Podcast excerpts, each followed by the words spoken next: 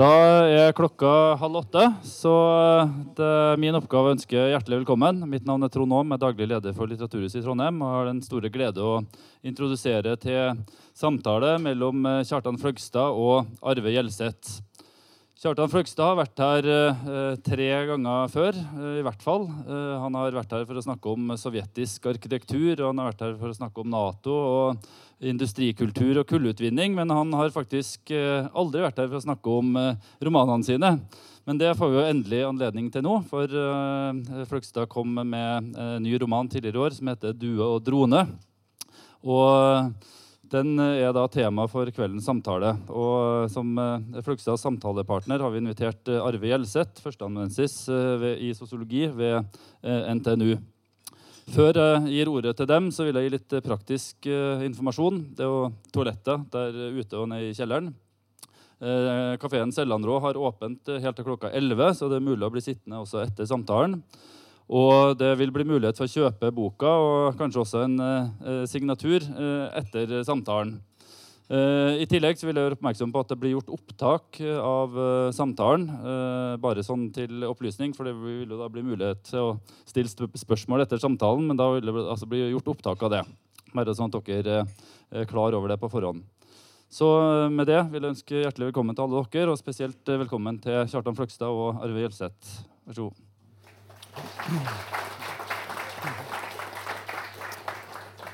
Ja, takk. Velkommen til Trondheim, Fløgstad. Velkommen til dere som har tenkt å høre på dette her. Eh, jeg vil bare gjøre oppmerksom på at Det er en verdenspremiere. dette her. Det er så vidt jeg forstår, første gang eh, Kjartan Fløgstad snakker om denne romanen for en forsamling som dette. Så mm, vi blir historiske når vi sitter her. Jeg tenkte å bare starte med tittelen. 'Due og drone'. Skal vi forstå det rett og slett som metaforer for krig og fred? eller? Eh, det syns jeg vi skal. Ja, som en omvendt av fred og krig. Ja, ja. Der due er fredsdua, og dronen er det som har vært på ferde f.eks. over Saudi-Arabia siste døgnet. Mm. Så det er en bok som handler om, om, krig og fred i mange fasetter. vil jeg mm. si. Det spenner jo vidt, dette her, som det ofte gjør i dine romaner. Både geografisk, eh, tidsmessig og også når det gjelder persongalleriet. Vi er innom eh, Hardanger, Øst-Finnmark, Bjølsen. Vi har Holmenkollåsen, Russland, ikke minst. Sveits, Tyskland, Østerrike. Altså Bergen, da, for å nevne enda et land. Og en av uh, hovedpersonene, eller den personen som kanskje tydeligst går igjen i alle disse fasene Boka strekker seg jo grovt sett over ca. 80 år, uh, er det vel riktig å si. Det er da Olav Sima. Er det Sima eller er det Sima? Sima. Det er nok Sima. For det er rimer på rima.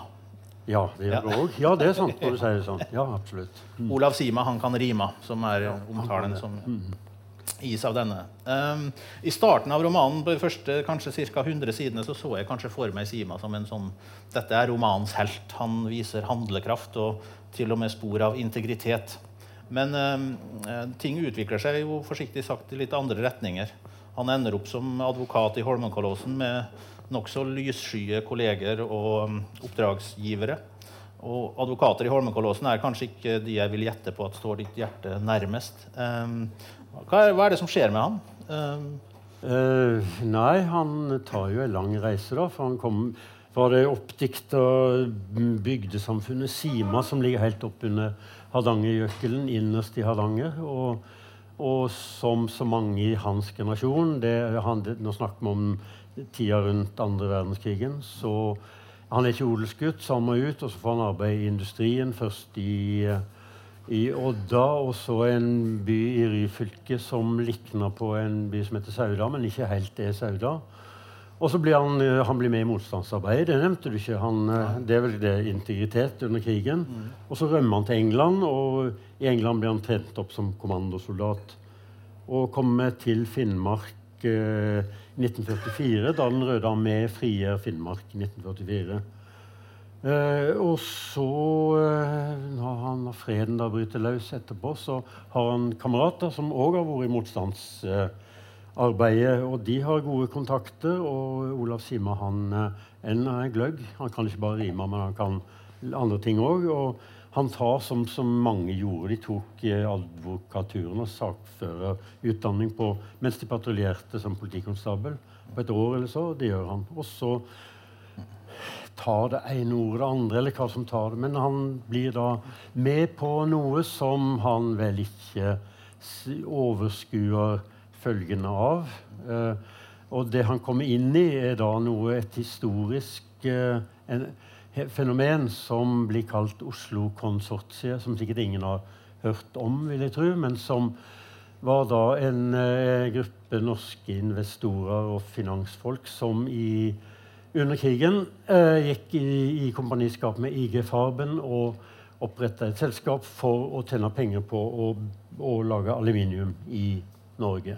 Og IG Farben er jo det mest berykta av de tyske selskapene under krigen. Så hvis du var med liksom, i IG Farben, så hadde du litt svin på skogen. Og, og en del av de svina på skogen de blir på en måte sluppet løs da, for å si det sånn, nedover sidene i, i denne boka.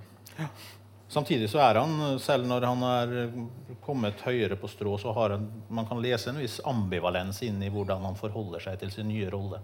Et sted så står han, eller han går og patruljerer som politimann i Oslos uh, gater. og og savner av og til industrien, for det var konkret og handlingsrettet. og sånn, så Han bevarer en viss form for ambivalens. Et sted så skriver han også at uh, han, skulle, han, gleder seg til den dagen det blir fin, like fint å danse som å jobbe. Uh, ja. Er det bare en vri på en, en kjent sangtekst, eller er det Svensk og svensk. Ja. Det er jo min kjære avdøde kollega Klaus Hagerup. Ja, jeg vet det er Hagerup, men jeg om det var en vri på en Jo, det, jo, det henger ja. nok sammen mm. med det. Og det kan si kanskje noe om danseferdighetene til, eh, ja. til uh, Olav Sima. Mm. Ja. Um, men også mot slutten, når han um, det går mot Sima blir en gammel mann. Um, men når det går mot slutten, så målbærer han også at ting uh, i Oslo har egentlig ikke utviklet seg Eller Oslo er blitt en helt annen by. Det er blitt en uh, hva er det det heter? Jo, det er skallet av en by. Det er ikke en by. Og det er jo en tematikk som du har vært innom også i andre sammenhenger. Mm. Hva som skjer med moderne F.eks. den boka som heter Oslo-prosessen. Ja, nei, han, han, blir jo en gammel mann. Jeg vil si han blir en svært gammel mann. Ja.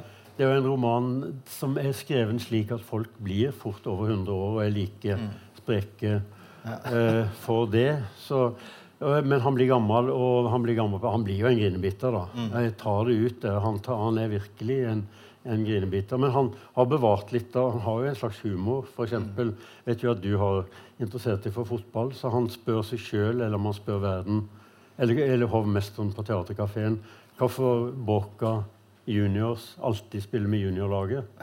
Var det ja. noen som tok den? Hvis de, tenk så gode det ville vært hvis de hadde tatt ja. ut seniorlaget heller. Ja.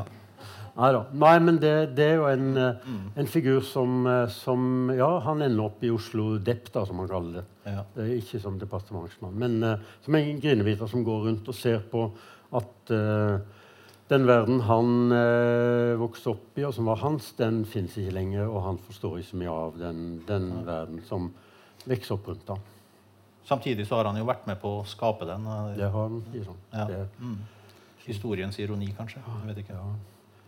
Um, den, det kan hende at jeg kommer tilbake til noen sånn fotballgreier etter hvert, men jeg tenkte kanskje vi skulle utsette det litt. Um, uh, den første um, kvinnen i Olav Simas liv, i hvert fall i Oslo, er jo denne eh, mystiske Xenia Nyslåttbuktmo eh, fra Øst-Finnmark, som da kommer til Oslo etter evakueringen, og som da um, havner på Bjølsen og blir der. Mm. Eh, det er jo en litt sånn mer eh, tragisk eh, skjebne. Du skriver et sted at hun har brukt hun brukte store deler av livet på å vaske bort sin egen skugge. Ja. Ja. Ja, nei, men uh, Nå har du nevnt på en måte de to hovedpersonene i boka. og de to hovedlinjene. altså Den ene er den som starter i Hardanger med Olav Sima. Og den andre den starter da på i det veldig spennende grenselandet mellom Norge og Russland, Norge og Sovjetunionen. Der i parentes har bodd fem år av mitt liv sjøl òg. Er, er der en gang i året og har veldig nært forhold til Finnmark. Og det er en landsdel som er så full av drama og spenning. Det er ikke måte på. Og en del av den, den drama og spenninga det har jeg prøvd å skrive fram i, i historier om hun som jeg har kalt Ksenia, altså russiske navnet eh, Xenia og så heter hun Nyslått Buktmo eh, da. Um, og et utgangspunkt for å skrive om henne, det var eh, Jeg var i Finnmark, jeg var på besøk. Det var et, Jeg husker ikke hva som hadde skjedd, men jeg havnet iallfall på nachspiel. Og der kom vi i snakk med ei eldre dame fra Finnmark eh, som fortalte om seg sjøl, om historien om eh, tvangsevakueringa da tyskerne brente Finnmark. Og så fortalte hun at mor hennes, hun, altså mor til den jeg snakka med, hun eh, hadde da, når hun visste at nå skulle tyskerne komme i løpet av et døgn og skulle brenne ned huset hennes Det siste hun gjorde, det var at hun tok da skurbet alt hun hadde av vaskemidler, og vaska rent hele huset. Rundvaska huset. For tyskerne skulle faderen ikke få komme og brenne ned et skitehus så lenge det var hun som var husmor der. Og det, det var et inntrykk, nei, et, en historie som har gjort inntrykk på denne mm. fortelleren min eh, kjella mi, og, og, gjorde inntrykk på meg. Og som eh, liksom en handling og en figur som gikk rundt og rundt i hodet på meg, og som etter hvert mynta seg ut i, i, denne figuren om Xenia, som er en eh, tragisk skjebne. For det er ikke nok med at hun er der oppe fra haret og, og det har brent ned huset hennes, men hun har òg båret fram en gutt som er Sønn av en tysk soldat som antagelig har fallet på Litzafronten, der Tyskland og Sovjetunionen kjempa på Kolahalvøya. Og denne gutten, da, som eh, er sønnen til Ksenia, han, han blir òg en sentral figur. Samtidig som eh, eh, ja, jeg, må, jeg, må, jeg må, må, gå enda litt mer i detalj, hvis jeg får lov. Fordi at eh, eh i 1943, der oppe i nord, langt der oppe i nord, så, var, så lå tyskere og sovjetere og kjempa mot hverandre. Våren kom. Mai i 1943. Da skulle de starte våroffensiven. Og så ble det ikke våroffensiv. Det kom et arktisk uvær uten like. Snø og kulde. Og soldatene var kledd i bomullsuniformer. De frøs i hjel.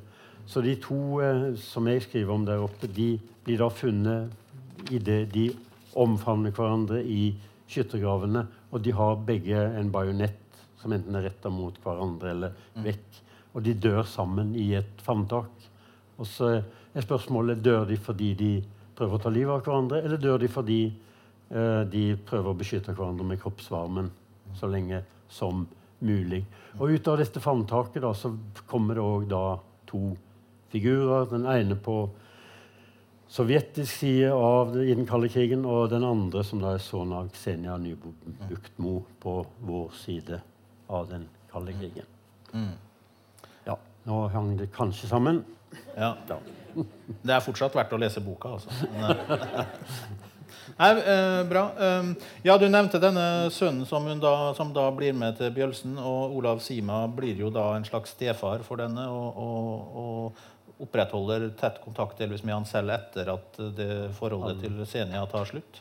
Han, eh, ja, Det syns jeg han viser noen av sine ja. beste egenskaper. Mm. Han tar seg av denne gutten som da vokser opp alene på Bjølsen i Oslo sammen med mora Xenia, som da står på melkebutikk. Og, og han, han, eh, prøver jo å bli god venn med Xenia og får det også til. De blir gode og intime venner, og sånt, men han tar seg veldig av denne gutten. Mm. Og så skjer det da at Ksenia hun, det er en vakker, nei, ikke en vakker kveld, men en natt så tar hun en liten robåt som naboen har nede i Akerselva, ror den ut på Ingerstrand, har en ryggsekk full av uh, bøker som har raska sammen.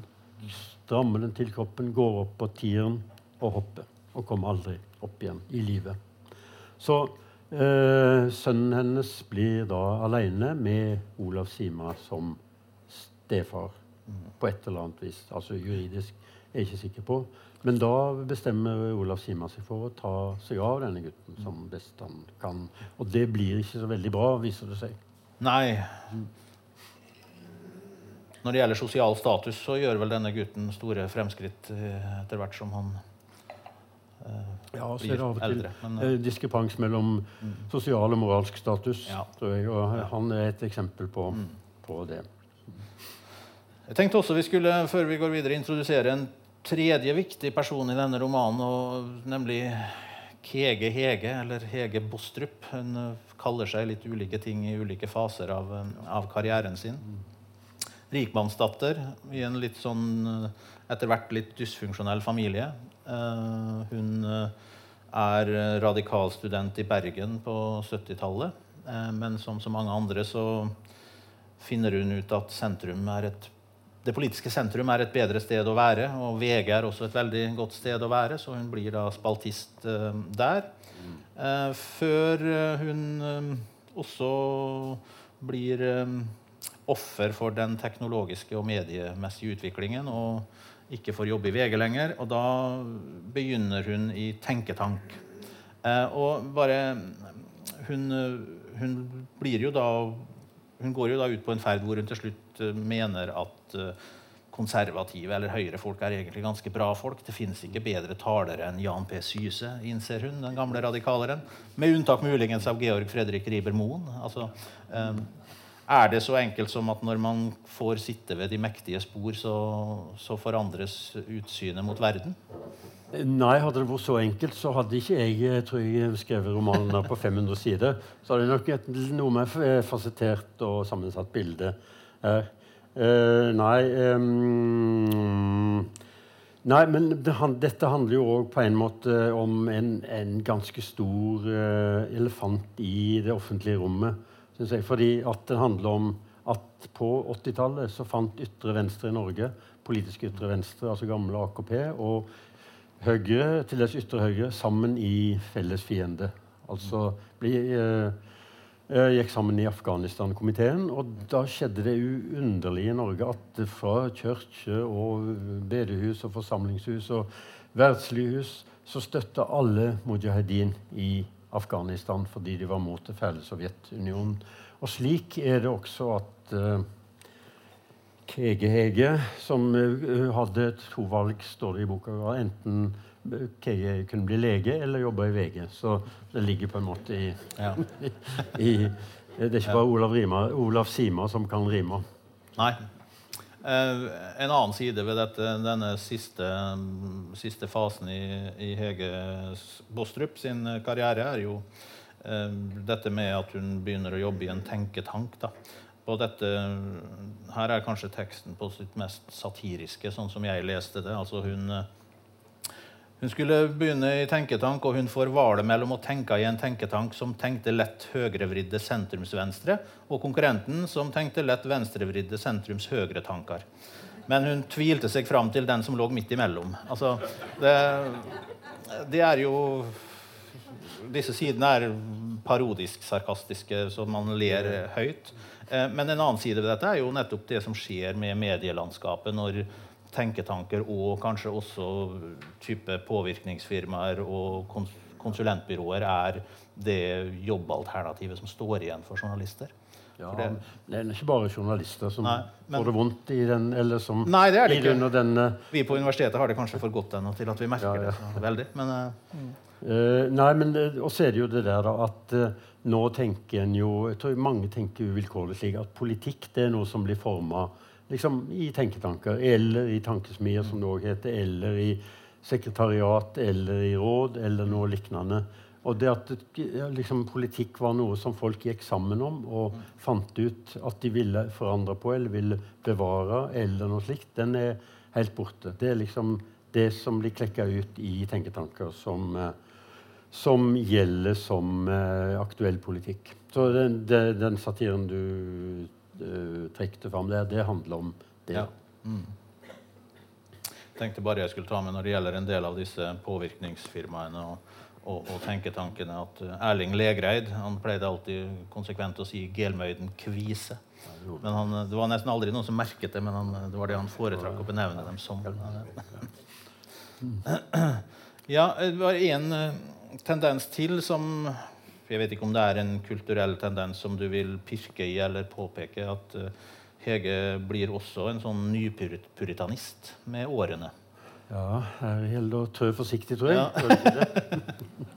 ja, nei, men jo, det, nypuritanismen får et veldig gjennombrudd. da. Mm. Altså, Jeg tror det er snakk om å legge opp Pontoppidans forklaring til Luthers katekisme som til forberedende prøve på slike institusjoner som du representerer. Så det, det går ganske langt, da. Altså, det er jo, det er jo uh, puritanske og pietistiske tendenser i tida som blir trukket langt. Og det, det syns jeg er slik som romaner kan gjøre. De kan uh, de kan gå langt over streken, og de kan være mye mer eh, Altså, de kan føre eh, trekk som er utydelige, eh, slik at de blir tydelige. Kanskje gjennom at de også er eh, mm. humoristiske og blir latterliggjort. Ja. Mm. Um, et sånn annet motiv eller tema som går igjen her, det er noe som kanskje kommer litt overraskende, og det er jakten på Olav H. Hauges dagbøker fra krigen. Ja. Som uh, Olav Sima muligens kanskje har i sin varetekt, eller kanskje ikke. Hva er, hva er storyen når det gjelder disse dagbøkene? Nei, storyen om Olav H. Hauge er jo at han er Norges fremste poet i forrige hundre år. Det er mange som mener jeg mener det. Han, det, det blir ikke bedre på norsk. Liksom. Det er verdenslyrikk. Mm. Uh, han har et, uh, et, livsverk som består av en tjukk samling dikt på tradisjonelt nynorsk som har blitt folkekjært. Mm. Alle leser det i mange sammenhenger, konfirmasjoner osv. Mm. Uh, samtidig så skrev han dagbøker hele sitt liv. Og det ble funnet etter at han var død, og ble gitt ut eh, for 15 år siden. Eller noe slikt. Og begynte, Han begynte i 1924 og førte de fram til han døde, så å si. Men i dette, den, dette lange dagbokverket så er det altså et, et langt interregnum, et langt spenn, der det ikke står et eneste ord. Det er fra nå husker jeg ikke akkurat datoen, jeg lurer på om det er april 39 til dagen etter det dagen, faktisk, i 1944. Så fins det ingenting. Og Hauge skriver ikke så mye om politikk. Eh, før, slutter, eller før dagboka slutter å tale til oss, så står det litt om politikk. Og han, det står at eh, han, eh, han, skriver at Hitler er en stor mann, og, og, og han sier 'heil og sel' eller noe slikt tyske soldater på besøk i, i Ulvik. Ellers svært lite. Mm. Uh, de som har skrevet biografi om Olav Hauge, de som har redigert eh, dagbøkene, hopper eh, over dette eh, tomrommet. Og jeg tenker at eh, en roman handler om det som ikke fins. Og en av de tingene som ikke fins, iallfall som vi ikke vet om, det er Olav H. Hauges dagbøker. Så det, I denne romanen her så er det et slags kriminalistisk element der noen driver og leter etter um, Olav H. Hauges dagbøker for å tjene penger på dem. Mm. Og de blir rapportert både her og der. og slik. Altså krigsdagbøker. Og det er litt som tyder på at uh, noen har funnet dem, men altså det er da et element i en handlingstråd i boka. Som, og som er, det er genuint. altså Jeg lurer på altså Når Norges største poet da har et slikt tomrom i, i dagbøkene, og nesten i CV-en òg, lite om det, om hva han gjorde under krigen, i det hele tatt, så er det grunn til å spekulere på og tenke over. Eh, mer enn biografen hans og dagbokredaktørene har gjort. Og det, De som vil vite om, mer om det, de kan da lese om det i, i Due og Tone. Ja, øh, for øh, Men hvis det nå ble funnet noen dagbøker som var kompromitter, politisk kompromitterende for Hauge? Det, burde det forandre vårt uh, blikk på han som poet? Altså, det, dette Har Hadde jeg vært politiker, så hadde jeg sagt hypotetisk spørsmål. Så, ja. så, men jeg er ikke politiker, så jeg, jeg Nei, jeg, altså Nei, det er vanskelig, det. Jeg, jeg, jeg, tror, jeg tror jeg vil altså, Det er den drømmen vi ber på. Mm at hjertet skal åpne seg altså, Det vil være like fint om mm. uansett hva, hva opphavsmannen tenkte 20 år før han skrev det diktet, f.eks. Så eh, ja, Og de som liker Hamsun, de, de bærer jo over med nazismen til Hamsun. Jeg har liksom aldri gjort det, men Olav og Hauge vil jeg Også, det er ingen bevis i det hele tatt, verken her eller i forskninga eller i lokalhistorikken, som, som slår fast at Olav og Hauge var på ville veier politisk. Nei, jeg spør jo også det fordi, jeg spør jo også fordi du var en av dem som gikk hardt ut mot din egen forening og faktisk meldte seg ut da de ville beklage overfor André Bjerke og noen andre som Mm. hadde blitt eh, ble, ble de ekskludert eller ble straffet? Nei, nei, nei, det, ja, nei, altså 17 medlemmer ble ekskludert fordi de var medlem av NS. Ja. Så var det 15 andre som ble refsa eh, av ulik grad fordi de, ja, som flertallet av medlemmene i 1945 mente at de hadde eh, kompromittert seg godt fiendens ærend, som det het på Ja. den tida. Og dette var det et, et styrevedtak i fjor i Fattigforeningen som oppheva unnskyld. Ikke oppheva, men unnskylda. Ja. Og jeg syns ikke det går an. Og jeg har jo sett på det som skjedde i 1945, og det er ingen grunn til å be om unnskyldning. Er du fortsatt utmeldt?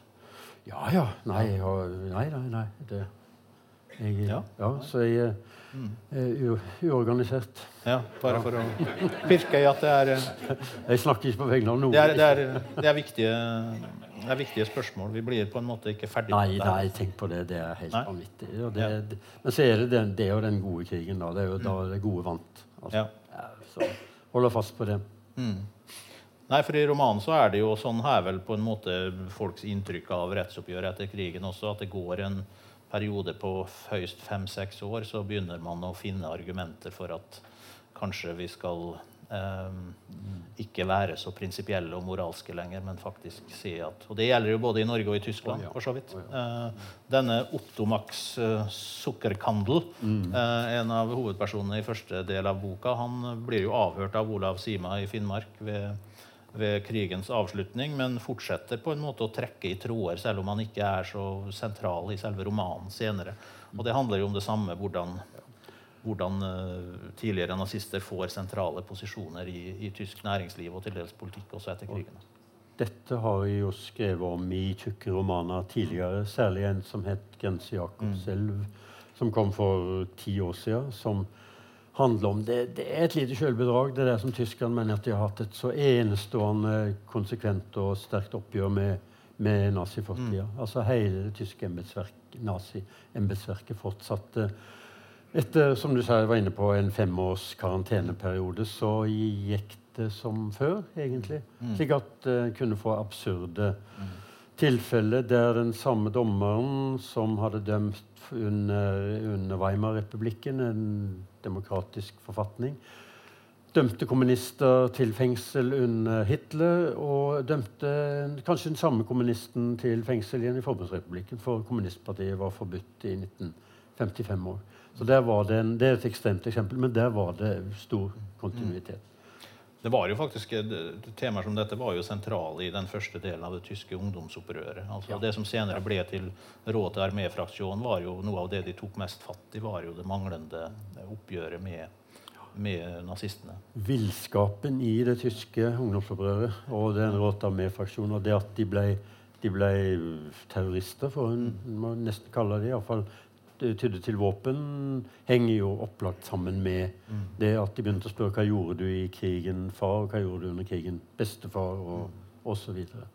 Og så fikk de jo mange slags svar, eller de fikk ikke svar.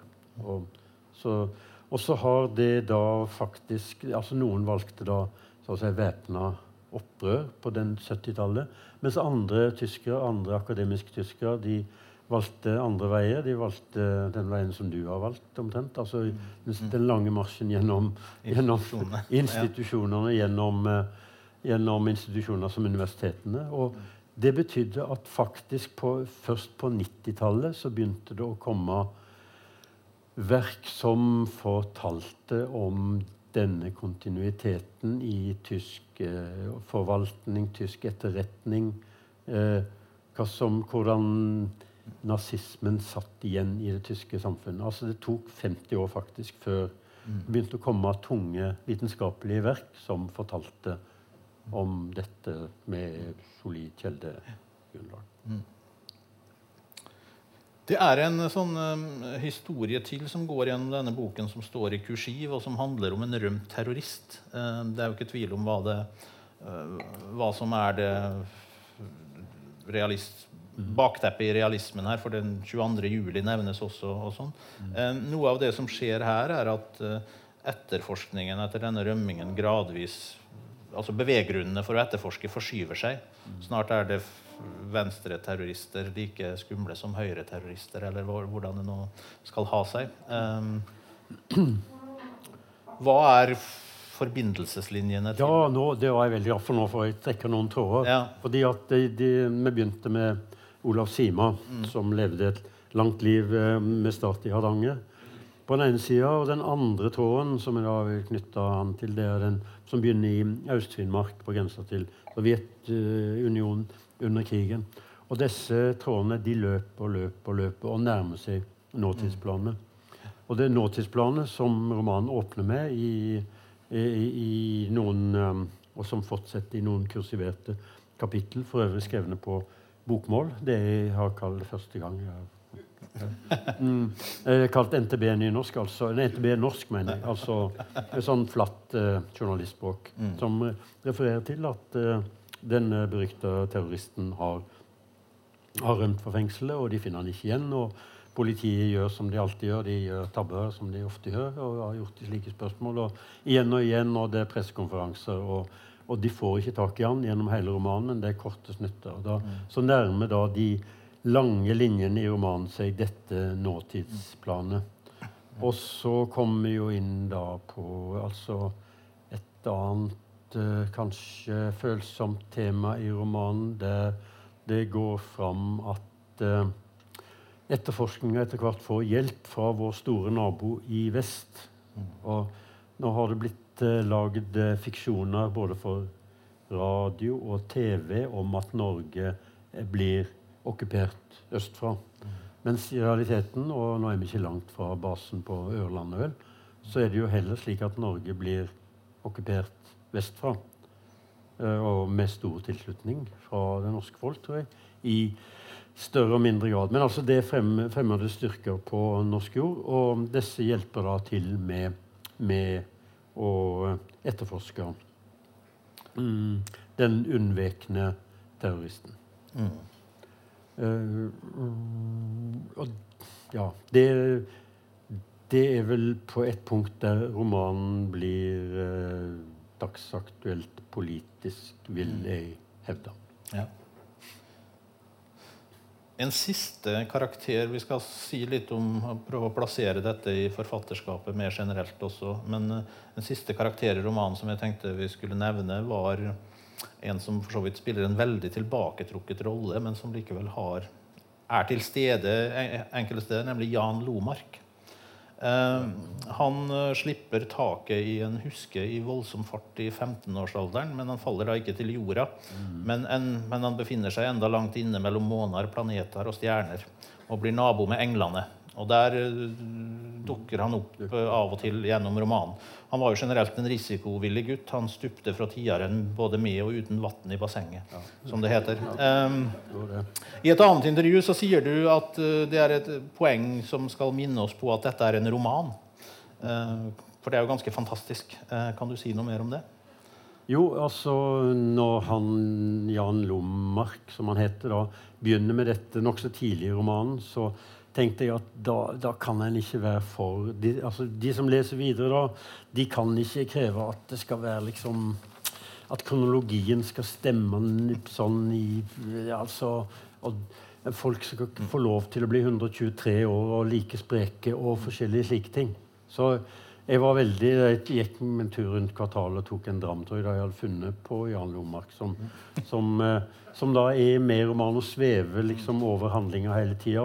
Han blir særlig sett hvis folk er til sjøs. Da er det lett å se ham, for da observerer de han mellom, er det mellom Sørkorset og et annet stjernebilde. Mm. Og, ja, han, men han lander jo til slutt, da. Mm. Så vidt det er, tror jeg. Eh, nei, så det er, det, Og det er et poeng for meg. Det, det er jo som Altså, Det er sånn et krav ofte til romanskriving nå, som går ut på at som romanforfatter så skal du gjøre rede for kjelder, du skal skrive takksigelser, og at du har lest leksikon og bla, bla, bla. Og jeg syns det, det, er veldig morsomt. Slik er den romanen en protesthandling. Den, er, den, har noen fotnoter, men og noen faktisk er sanne òg, men de aller fleste er bare er bare ljug og juks og prøver Ja. å se tilforlatelig ut. Og, Ja. og ikke om en mann i din uh, Ja, akkurat det der tenkte jeg å si noe om, fordi at det av og til når jeg ser både de fotnotene og, og, og liksom saksopplysninger ellers i romanen, så, så grip, gripes jeg av og til av lysten til å google dette her. Hvem var han eller hun, og, har dette skjedd, og sånn. Altså, du leker jo med oss. Uh, altså Fiktive personer samhandler med virkelige personer. Det er ikke noe, Nei. det er ikke noe særsyn eh, romanteknisk, det, naturligvis. men men, eh, og jeg sikter heller ikke til generalsekretæren i Nato, som benevnes som feltmarskalk Jens av Benghazi. Eh, Men, eh, men, men for eksempel, i et avsnitt om det, om det engelske nettverket av informanter i Skandinavia under krigen, som kalles for Red Horse, så skriver du at rent historisk stemmer det også at den norske overkommandoen FO2 hadde en avlegger i Stockholm, men at det ikke finnes spor av Olav Sima der. Altså, Lest rett frem så betyr dette at det ikke finnes spor av en fiktiv person i arkivene til en organisasjon som muligens er høyst reell. Altså, Har du noen forslag til hvordan en forvirret leser skal forstå formuleringen rent historisk? Uh, Nei, jeg ville jo tenkt Nei, dette er nok en romanfigur, ville jeg tenkt da. Olav. ja, figuren Olav Sima er eh, Men, eh, Ja. men fantes Red Horse? Eh, ja, det tror jeg de gjorde. Og, og det, altså kontrollørkorpset. Som jeg tror, det tror jeg faktisk er, er, er, er originalforskning fra min side. Kontrollørkorpset etter krigen. Det var noen offiserer som kom, og som ble satt til å øh, sjekke krigsfang, tyske, tyske krigsfanger og norske samarbeidspartnere etter krigen. Og plukka ut. Og det er et arkiv som nå ligger på Heimefrontmuseet, som jeg har vært og sett på. Og sett gjennom det og i litt annet ærend. Uh, og jeg har, måtte da opprette et uh, tilleggsarkiv som var litt uh, mer hemmelig enn det som ligger på Heimefrontarkivet. Og i det hemmelige arkivet, der finner du Ja. Der fant jeg Olav Sima. Du det? det har jeg dikt opp sjøl. Ja. Bra. Da skulle det være klinkende klart. Um, um, jeg tenkte litt sånn mer generelt her um, Er det et sånn uh, tema som er viktig i flere bøker du har skrevet, og da inkluderer jeg sakprosabøkene også, så er det et sånt uh, um, Du er ikke overbegeistret for dannelsesborgerskapet og dets kultur og sånn. Det ligger deg på en måte sterkt på hjertet at uh, uh, det er mest staffasje, og av og til til og med farlig staffasje, som tilfellet er med, med mange av de mer velstående hovedpersonene i de tre-fire siste bøkene dine. Um, jeg kan også nevne den Du ga ut en pamflett i 2004 som heter 'Brennbart'. Som handler om, eller som går i rette med påstander om at nynorsk var et lettere offer for nazismen enn Oslofjord-området var. Og du hevder tvert imot at de vestlandske motkulturene var bortimot immune mot nazismen. Um, og, og, apropos fotball, til og med begeistringen din for eh, arbeiderklasseklubben Skeid anser jeg som en altså, Er det en uttrykk for en arbeiderklasseidentitet, eller kanskje til og med arbeiderklassenostalgi? Eller uansett, er det en slags kulturkamp, dette her, hvor du føler deg veldig alene på den ene front, fronten? Eh, ja, det var mange spørsmål liksom, Ja. det her. Det var mange Jeg merket at det ble litt kaotisk. begynne bakfra. Skeid, det, det husker jeg. Det Ja. var, eh, nei, fordi altså, Skeid var jo som disse Oslo de var jo, Det var ikke arbeideridrettsklubber, noen av dem. Verken Skeid eller Vålerenga, som du har tilstått at du heier på av og til. Um, slett ikke. Uh, så nei, det er jo grunnen til det var at jeg rett og slett bor i Skeid-området. Og hadde, fikk en sønn som spilte i Skeid til han var, til han var eh, junior. Og syntes det var en sympatisk klubb. Det var liksom passelig god. Og så spilte de på Voldsløkka, som var jeg, jeg syns sånn fotball skal være. At du kan kunne gå søndagsturen, liksom. Gå ti minutter, og så ser du litt sånn de gutta som bor i strøket, som spiller på, og som sitter på bingoen fordi de har fått kontrakt. Om, eh, ja, altså fotball på det nivået. Eh, men nå har jeg fått et barnebarn som spiller barnefotball for Sagene, så nå har nok eh, Jeg er truløs i sånne spørsmål, så nå er nok eh, eh, eh, lojaliteten flytta i den retning. Men altså danning, dannelsesborgerskapet. Nei, altså Altså, eh, de må jaggu finne seg i å bli gjort litt narr av, de òg. Altså, dan, Dannelsesborgerskap er jo da liksom så høyrumpa, og det er liksom det, de er så danna og sånt. Så det må, uh, må være lov for en som tilhører Dannelsesborgerskapet, må jeg vel si med beskjedent nok, og peke på noen uh, sider som uh, både kan være lattervekkende altså det, mye, av, mye av kulturlivet er jo eh, gi påskudd til å ta hverandre høytidelig. Mm. Store operaen og hører på alt det sprøyte. Altså, Verdi har skrevet verdens beste låter, men altså, tekstmaterialet er jo ja, det er ubeskrivelig. Litt dårligere enn en vanlig poplåt, liksom, etter, etter, mitt syn. Uh, det er det. Altså, det, altså litt hasselas og moro man kunne ha med det òg. Men så er det det at det alvorlige ved det var du òg inne på, nemlig at um, forklaringa på det største sivilisasjonssammenbruddet i det forrige hundreåret, altså nazismen i Tyskland, var at det var pøbelen, det var liksom massene som reiste seg. kom satt på ølhallene og, og, og, og, drakk, og så kom de ut og gjorde de opprør i gaten, og så ble Hitler satt inn som på toppen av, av eh, massenes opprør og pøbelens opprør. Og så har da forskninga vist, vist, det som vi var inne på tidligere, at eh, de gruppene som hadde prosentvis størst oppslutt, som, der det var prosentvis størst oppslutning blant, eh, for nazismen, var advokatstanden, legestanden og aristokratiet. Altså Det tyske danningsborgerskapet ga på en måte i stor grad næring til, til dette sivilisasjonssammenbruddet. Og det er et forferdelig Det er et uh, emne som ikke er til å begripe, nesten. Det er, det er sånn at det blir fort ikke bare én, men to, men tre og fire tjukke romaner av det. Og ikke bare av meg, men av andre som skriver på en annen måte, og som lurer på det samme alvorlige spørsmålet. Altså, Hva er det som skiller, vår, det som skiller oss fra barbari? liksom? Det, et, et, eksempel som var utgangspunkt for at jeg begynte å fundere på dette, var at jeg skrev en gang en roman som het uh, 'Gang Manila', der det dukker opp en finsk uh, reelt eksisterende person som het Gråtenfelt, som var, levde omkring 1920, og som var aktivist på, han, eh, på den hvite sida i den finske innbørdeskriget.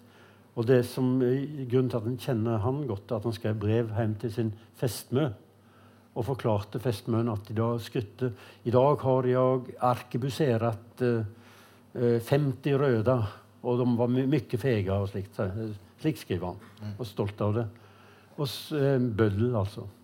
Og, og, samtidig så var han da litteratur Eh, kritiker i eh, Helsingfors-avisene. Mm. Og han var den første litterat i det hele tatt som oppdaga at Edith Søregran Edith Søregran, den store finske svenske, svensk-finske poeten, og så storheten i henne. Så i en sånn figur så hadde du både barbariet, det at han går og skryter av at han tar livet av sine motstandere, og evnen til å ta til seg lyrikk og poesi. Kunst på høyt nivå. Ja. Nei, Du var jo ellers veldig tidlig ute med å på en måte forsøke å løfte frem populærkulturen som mer verdifull enn det som eh, vanligvis har vært gangbar mynt i f.eks. i høyere utdanningsinstitusjoner med essaysamlingen 'Loven vest for Pekos' fra 1981, tror jeg. Mm. Um, og du sier vel der også at det var på en måte på filmlerretet du fikk dine største, eh, mest sjelsettende kulturelle opplevelser i, i, i ungdommen. Um, jeg har alltid tenkt at det, for 40 år siden så var dette en reell, altså viktig problemstilling. For jeg husker jo det vi lærte av litteratur uh, og annen kultur på skolen, var jo basert på en sånn høykulturell kanon. Og, mm. og, Beatles og Elvis var det ingen som ville vite av i skolen. Dette var selv så sent som på 70-tallet. Men det har jo mildt sagt forandret seg. Hvordan ser du på dette i dag? Nei, så, um, Det måtte komme. Altså, Min bok var et uh, symptom på at det var forandring i gang. og Jeg skrev om det, og det skjedde. Mm. Men altså, Noen her husker sikkert kultursidene i avisene fra den tida. Det var et strengt hierarki der, uh, der de tradisjonelle uh, altså Filharmonisk musikk, opera, roman, uh, det var lett og slikt ble behandla seriøst. Lange artikler. Og, mm. og, alt som var under det, ble sett på som underholdning og mm. ulødig. Mm. Uh, i, i, og for seg. Det at nå, nå skriver jeg, nå er det nesten omvendt. Nå står det mer om ja, nå, Jeg vet ikke navnet på de som er popstjerner i dag, tror jeg. Men, men altså, det står nok mer de, om de enn det står om, om klassisk ballett. for å si det sånn. Men altså, ja. det måtte komme fordi at uh, det, det, var et kulturbilde som var forelda og forsteina, og som ikke hadde noe forbindelse med bruksverdien som kunst og kultur hadde for folk flest på den tida. Ja. Men det var, si, det var et av de mange spørsmålene som jeg glemte. Det var for du begynte med pamfletten 'Brennbart'. Ja. Jeg må bare si to ord om den. Fordi den handler om Jeg oppdaga omkring tidlig på 2000-tallet at det var skrevet idéhistoriske øh, verk der det ble hevda at det var noe med nynorsk og NS, altså Nasjonal Samling, og målrørsla hang sammen på en måte. De hjalp hverandre. Jeg synes det var veldig rart. Og så jeg på statistikk. altså eh, en, en, nasjonal samling hadde nesten ikke støtte på Vestlandet i det hele Nesten ingenting. Eh, og så så jeg på krigshistorien, og der viste jeg at var, eh, formannen i Norges Mållag var i fengsel. Eh, han ble kalt inn til møte med, med nazistene, og eh, de la ned arbeidet. Derimot, de som ikke la ned arbeidet, det var Riksmålsforbundet. Som så sitt snitt og ville gjerne ha forandra det som var det store, store stygge ulven, det var rettskrivingsreformen av 1938, da en masse radikale former ble tillatt i bokmålet. Radikale i datidens målestokk? Kanskje. Ja, men i dagens målestokk òg, ja. faktisk. Det var altså ja, radikale, men altså A-endinger og mm. det som symbolformene i det som blir kalt radikalt. Ja. Så um, det var et tidlig, liksom, um, tidlig eksempel på at jeg drev med um, ja, temaet da òg, når det gjaldt nazisme og mm. ikke nazisme. Ja. ja. Nei, det er sikkert uh, Føler du at du vant den debatten sånn 15 år senere? Ja, det gjorde jeg. Mm. Eh, men altså det det er jo en sånn tyngde, som momentum i, i den kunnskapen, den falske kunnskapen, da, som var opparbeidet gjennom lang tid, og det inntrykket som var, hadde satt seg om at det var nasjonalisme, mm. ny sånn, eh, som det skal nok mer enn en, eh, en, pamflett til å snu. Men ja, en liten tue kan velte stort lass, heter det jo bare si at det er relevant også for den herværende romanen. dette her, altså For det handler om hvilke uh, sjikt og krefter som, uh, som står uh, Som havner på ulike sider i historisk uh, verdensomveltende konflikter. Um, jeg tenkte vi mot slutten skulle diskutere litt bruk av språk og sånn. Um, da tenker jeg ikke på nynorsk og bokmål, men på din formuleringsevne. Du startet jo som poet, og det er mye poesi inni her også. Mye hverdagslivspoesi. Olav Sima fornekter seg ikke. Og, Nei, han, og, han, har, han, rimer i vei. Ja, det er mye dikt på rim, så de er ikke så modernistiske nødvendigvis, men de er morsomme. Og, um, i en omtale som jeg leste her av Magdalenafjorden, var det din nest siste eller den tredje siste, nest siste roman, ja. ja. Der het det at den vil gjøre lykke hos dem som mener at språket ikke bare skal transportere innhold, men også klang og lyd. Mm. Det syns jeg er veldig fint sagt. Er det nå har vi vært innom et par av sakprosabøkene dine også. Er det en like viktig ambisjon i sakprosa som i skjønnlitteratur når du skriver, eller er det noe som Nei, men jeg, jeg, kan vel ikke dy meg, tror jeg. Det, det, Nei. det. Altså, hvis, hvis uh, Ja. Altså, Hvis jeg har skrevet Kege Hege, så blir det litt tull. Og, altså, ja. Da dukker VG opp i, ja. i horisonten og, og, slike ting. Men eh, nei, men altså Det er nok uh, et prosjekt, for å si det høytidelig, altså, med mitt skrivearbeid i det hele tatt, å trekke i tvil ideer om at språket eh, og virkeligheten er, kom, altså, henger sammen. Altså at mm. Barn i Oslo, hvis jeg sier 'vatn', så sier de til meg men, men, men det, det, heter ikke vann, det heter vann. Mm. og, og, det heter begge deler. Ja. Og, og, altså trekke i tvil slike mm. eh, slike ting som også sakprosaen kan ha godt av å bli Ja. Den kan tvile på det der òg. Mm. Nei, du er jo kjent som en ordkunstner i så måte. Jeg tenkte jeg må jo bare nevne at eh, et sted så heter det at Oslo består av ulike deler, bl.a. Østre Aker, Nordre Aker, Vestre Aker, Lilleaker, Lysaker og så Spinnaker, som ligger opp mot Holmenkollåsen. Altså, det er jo det er det mange forbinder med Fløgstad. ord, Blødmer og ordkunstneri på den måten der. Da. Men sa, samtidig så er det jo veldig mye poesi her også. Et sted så leste jeg at uh, menneskesinnet er den eneste urørte villmark. Det syns jeg også er veldig sånn talende sagt, uh, og poetisk også. Um, og det, jeg tror det er et, et, sitat som ligner på det. Det er fra Kafka. tror jeg. Mm. Der Kafka hvordan han beskriver jo, du kan bli kjent med andre mennesker. Du kan se andre mennesker på samme måte som du ser et dyr som kommer ut av skogen. Mm. Og så ser du et øyeblikk, og så forsvinner det inn i skogen igjen. Det er noe ja, der. Ja. Mm. Mm. Men eh, bare for Siden du skrytter av eh, lyrikken, så mm. må jeg bare eh, Jeg skal jo ikke skryte, da, men, men altså, det er jo Jo, det skal du. Jo, jo, ja vel, da skryter jeg. Ja.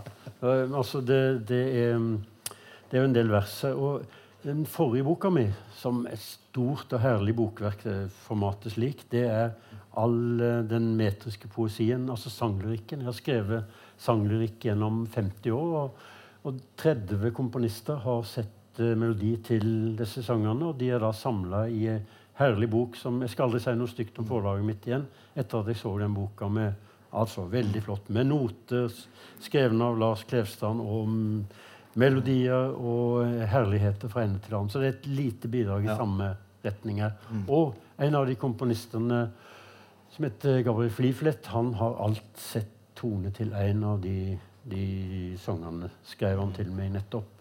Så det blir en, det blir en verdenspremiere til etter, når vi ja. er ferdige med Da får vi håpe den kommer til Trondheim også. Um, ja, må, ja. Jeg tenkte bare jeg skulle ta med én sånn uh, uh, sarkasme skråstrek morsomhet til. Altså, når det gjelder Hege Bostrup, så heter det et sted at kulturmarxisme ved skrivebordet er kombinert med nordmarxisme i langrennssporet. Eh, det er også en eh, morsom uh, sak. Ja, det, det, det, har ja. jeg, det, har jeg, drevet med i, i, i, alle år. Ja, du er markatraver. Ja, kulturmarxisme i skrivebordet og nordmarxisme i langrennssporet. Da, da henger verden sammen. Ja. Um, ja, uh, vi har holdt på en stund. Er det noen spørsmål fra de um, oppmerksomme tilhørere, så tror jeg vi uh, åpner for det. Bare å hive seg utpå. Skal, skal jeg fortelle en, en anekdote om som hvordan Nei, nei, vent litt. Jeg skal ikke, nei, Nå har jeg prata mye tull. Nei, altså, vent litt. Mm. Før jeg forteller den anekdoten.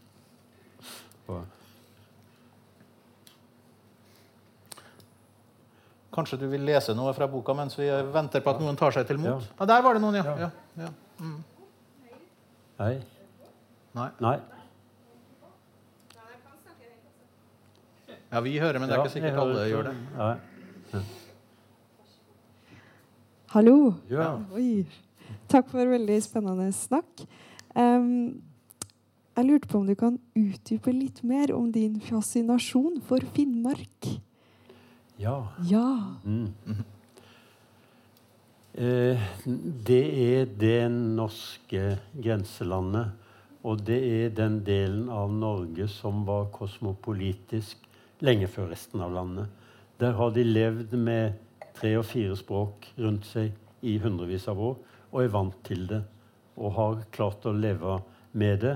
Et, jeg vil ikke være sikker på at minoritetene syns det alltid har vært et lett liv, men det har iallfall vært slik. Og så lever de på, i Øst-Finnmark på grensa til noe Det er liksom det andre. Det er jo de største, altså mest absolutte grensene i verden.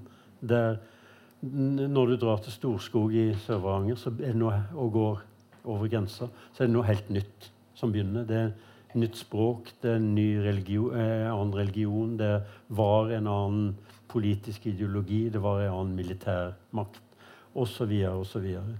Så, så, det, det som kommer ut av spenn, alle de spenningene der, syns jeg har gjort Finnmark til ja, det, det, er den delen av landet jeg liker best, bortsett fra det altså, jeg er jo, en, er jo, jeg er jo ikke derfra. Men det er der jeg har likt best å, å være og der jeg stadig drar tilbake. Og det fins ikke så tøffe nordmenn noen plass som finnmarkinger. Og så er det helt på kanten av hvor mennesker kan bo, sånn, sånn klimatisk og geografisk. Det var, det var mange gode argument for Finnmark.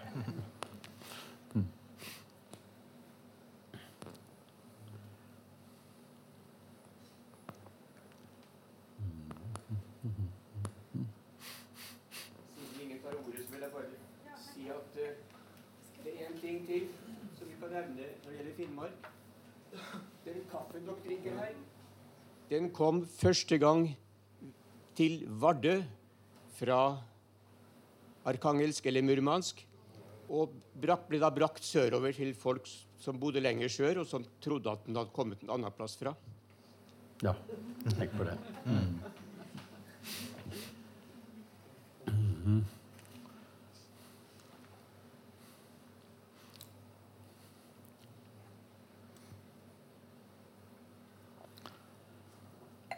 Ja, jeg var kanskje dum når jeg antydet at du kunne lese, for det gleder folk seg sikkert til. Så da vil de heller det enn å ta ordet selv, muligens. Ja, Nå har du jo snakka om den i Jan Loma, men jeg kunne kanskje lese det likevel. Ja. Mm. Det er et stykke da om um, Jeg tror jeg gjør det. Jeg, ja.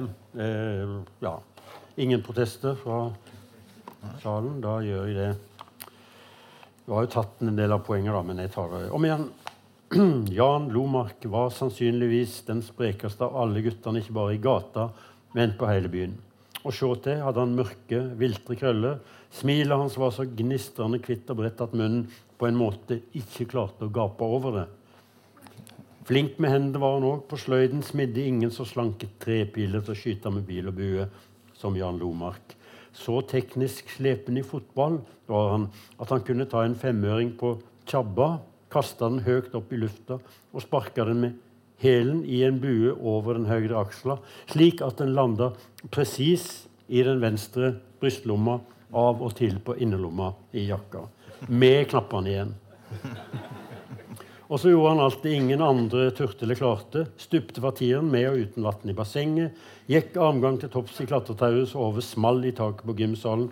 I slenghuska gikk han høyere og hoppa lenger enn alle andre. Bare han ble gammel nok, skulle Jan Lomak nok bli både sjømann på dekk og skipper på brua. 15 år må han ha vært, for han hadde alt vært en tur på sjøen, men brukte fremdeles slenghuska på lekeplassen for å brife og vise seg når han var i land, sjøl om han hadde fått seg slips og isblå tropedress og røykte Kistefjell, altså Chesterfield-sigaretter. Rykter hadde gått på forhånd om at Jan Lomark nå ikke bare gikk høyt med huska. Han kunne til og med svinge over tverrstanga på toppen og landa like fint. Setet på huska var ei avlang trefjøl som hang ned mellom to rusta kjettinger. Når Jan Lomark huska, starta han fra null, la seg strekke ut bakover beina rett fram, tok tak med ei hånd i hver av de to kjettingene og drog seg sjøl i gang. Mye knirking og pesing i starten. Sakte gikk det, men han kom i siget, auka farten. Gikk høyere både framme og bak, høyere, høyere, høyere enn høyt. Alle venta at Jan Lomark skulle huske over tverrstanga på toppen av stativet og komme ned igjen til de vanlige dødelige på den andre sida. Men så skjedde det ikke. Jan Lomark gikk høyere enn høyt, men ikke høyt nok, så det ut til. Øverst i kurven sto de stramme kjettingene i vater til begge sider, men steig ikke med før huska dalte ned igjen. Alle andre ville gitt seg, men ikke Jan Lomark. Han tok i, sleit i kjettingene, brukte bein og overkropp som vektlodd nå gnissa ikke kjettingene, men hylte og skreik. Og da skjedde det.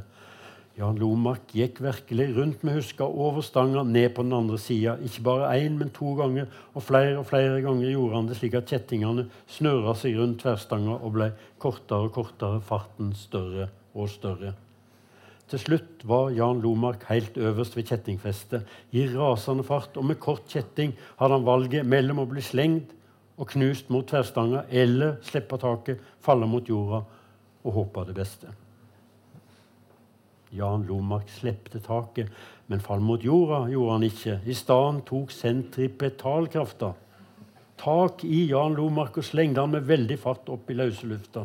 Som en rakett fra et høgbanevåpen suste Jan Lomark opp i den lyseblå vårlufta, gjennom den tette manganrøyken over fabrikken, blei bortover byanleggene og egne hjem, over Nordenskiljen og Skaulen, over alle blåner, før han enda langt inne mellom måner, planeter og stjerner, som kom fram utover kvelden da natta falt på, og de som gikk manngard etter han i terrenget og leita med kastelykter og høye kallerop, snudde heimat og måtte gi opp.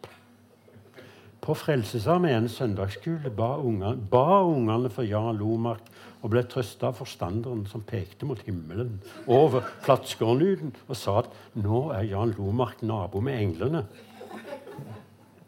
Etter den tid var det mange som mente, og alle som hadde vært til sjøs, var sikre i sin sak på at de hadde sett Jan Lomark sammenkrølla som med en rakett i anden, enden lik en meteor eller en lysende stjerne eller en russisk Sputnik på himmelen en stad langt oppe i det høyeste universet, i nærheten av stjernebildet Sørkorset over Bali og Hawaii, over Rio og Shanghai.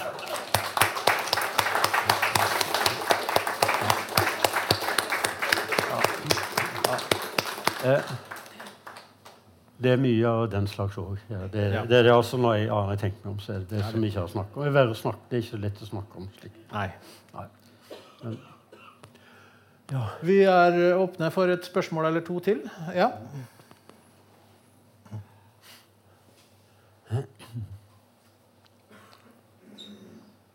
Ja, hei, tusen takk for en kjempespennende samtale.